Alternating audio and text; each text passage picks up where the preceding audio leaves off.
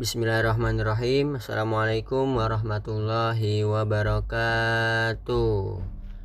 Alhamdulillah kembali lagi bersama kita di podcast Salim dan Zakaev. Insya Allah di episode kali ini kita akan kembali melanjutkan pembahasan kita tentang Sirah Nabawiyah. Sekarang kita memasuki Perang Mu'tah yaitu perang antara kaum muslimin dengan pasukan Nasrani atau pasukannya Heraklius.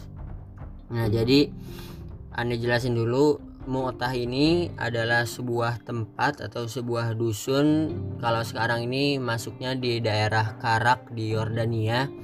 Sebelum kalau dulu ini masuknya kalau mau ke Syam lewat sini dulu dan ini kalau Mu'tah ini kalau mau ke Baitul Maqdis bisa ditempuh dua hari dari Mutah ke Baitul Maqdis ini dua hari dengan berjalan kaki dan juga perang Mu'tah ini adalah perang terbesar pada masa Rasulullah SAW yang dilakukan oleh kaum muslimin dan dilaksanakan pada bulan Jumadil Ula tahun 8 Hijriah atau kalau di Masehinya pada bulan Agustus atau September tahun 629 Masehi.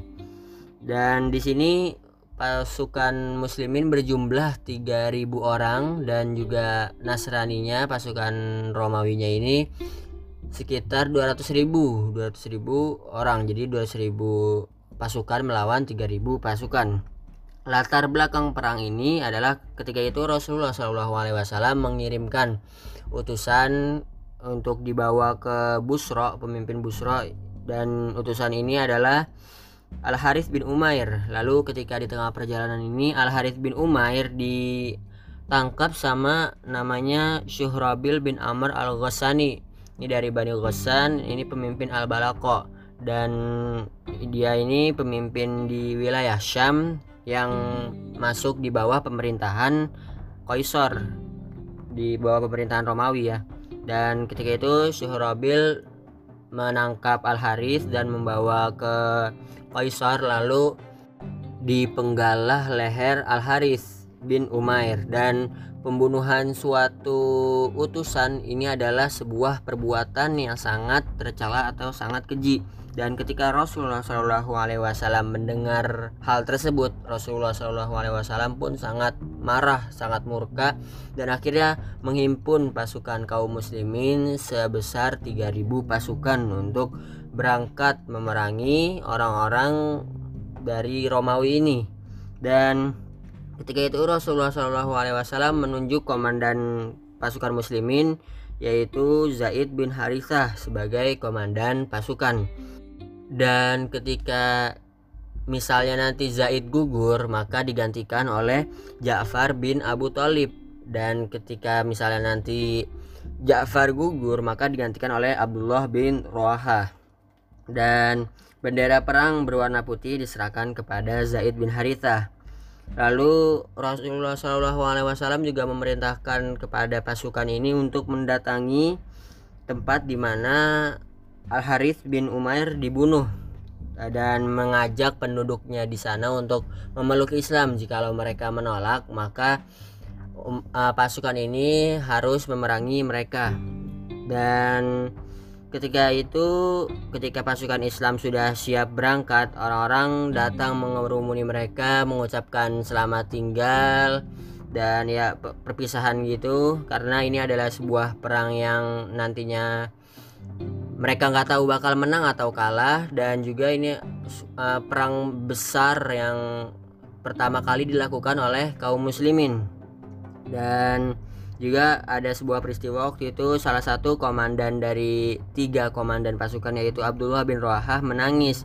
Lalu ketika ditanya kenapa Abdullah bin Rohah menangis, maka Abdullah bin Rohah menjawab, e, Aku menangis bukan karena cinta dunia dan rindu kepada kalian, tetapi aku pernah mendengar Rasulullah membaca ayat dari sebuah kitab Allah yang di dalamnya disebutkan neraka. Dan singkat itu, habis itu Abdullah bin Roha menjawab lagi, Aku tidak tahu apa yang terjadi dengan diriku setelah aku meninggal nanti. Lalu orang-orang menenangkan.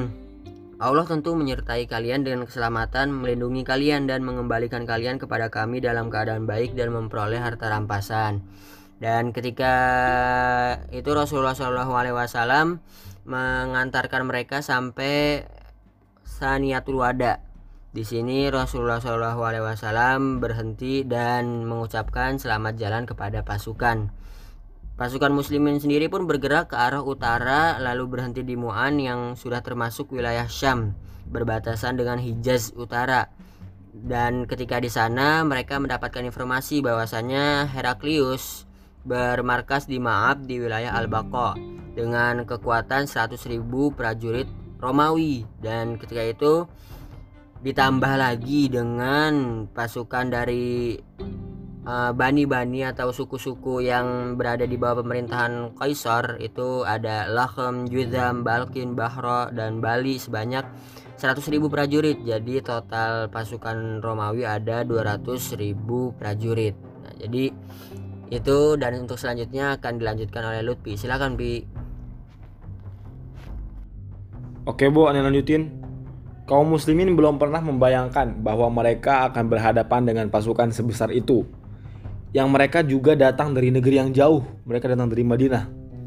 Apakah pasukan kecil yang kekuatannya hanya 3000 prajurit yaitu kaum muslimin akan menyerang pasukan besar yang berkekuatan 200.000 prajurit yaitu Romawi? Kaum muslimin pun merasa bingung. Dua malam mereka berada di Mu'an memikirkan masalah ini mereka menimbang-nimbang dan bermusyawarah, lalu berkata, "Kita baiknya mengirim surat kepada Rasulullah Shallallahu Alaihi Wasallam mengabarkan jumlah musuh kita, sehingga beliau mengirimkan bala bantuan lagi atau beliau memberikan suatu perintah yang harus kita laksanakan." Namun Abdullah bin Rawahah menentang pendapat ini. Dia kemudian membangkitkan motivasi kaum muslimin dengan mengatakan, "Wahai saudara-saudaraku, demi Allah, apa yang tidak kalian sukai dalam keberangkatan kalian sesungguhnya merupakan sesuatu yang kalian cari, yaitu mati syahid. Kita berperang bukanlah berdasarkan jumlah pasukan, kekuatan, ataupun banyaknya personil. Namun, kita berperang semata-mata berdasarkan agama ini, yang karenanya Allah memuliakan kita. Karena itu, marilah kita maju, karena tidak ada pilihan lain kecuali salah satu dari dua kebajikan, yaitu menang atau mati syahid. Akhirnya, kaum muslimin sepakat mengambil keputusan sesuai dengan pendapat yang disampaikan oleh Abdullah bin Rohah, yaitu tetap maju, tidak mengirimkan surat ataupun mundur. Setelah dua hari berada di Mu'an, pasukan Islam bergerak menuju wilayah musuh. Mereka bertemu dengan pasukan Heraklius yang muncul dari wilayah Balqa, yaitu dari Masyarif dari arah Yordania sekarang. Musuh semakin mendekat sementara kaum muslimin berbelok ke arah Mu'tah dan bermarkas di sana. Mereka mempersiapkan diri untuk melakukan pertempuran. Sayap kanan dipimpin oleh Qutbah bin Qatadah al-Adhari dan sayap kiri dipimpin oleh Ubadah bin Malik al-Ansori. Di Mu'tah, itulah kedua pasukan akhirnya saling berhadapan.